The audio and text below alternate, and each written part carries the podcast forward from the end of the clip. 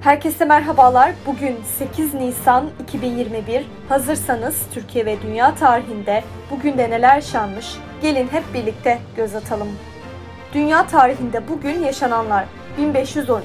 İspanyol konkistador Juan Ponce de Leon Florida'yı keşfetti ve bu bölgeyi İspanya toprağı olarak ilan etti.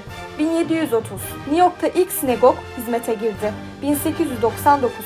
Martha Place elektrikli sandalye ile idam edilen ilk kadın oldu. Türkiye tarihinde bugün yaşananlar 1960 İstanbul'a 10 saat çamur yağdı. 1976 Ankara'da çeşitli fakülte ve öğrenci yurtlarında çıkan olaylarda aralarında Muzaffer Yurdakuler'in oğlu Hakan Yurdakuler'in de bulunduğu Esari Oran ve Burhan Barın isimli 3 öğrenci öldürüldü, çok sayıda öğrenci yaralandı. 1999 Hakkari valisi Nihat Can Polat'a Yüksekova ilçesinde bombalı saldırı düzenlendi. Can Polat saldırıdan küçük sıyrıklarla kurtuldu, şoförü öldü, 7 kişi de yaralandı. Bugün doğanlar 1336 Timur İmparatorluğu'nun kurucusu ve ilk hükümdarı Timur dünyaya geldi.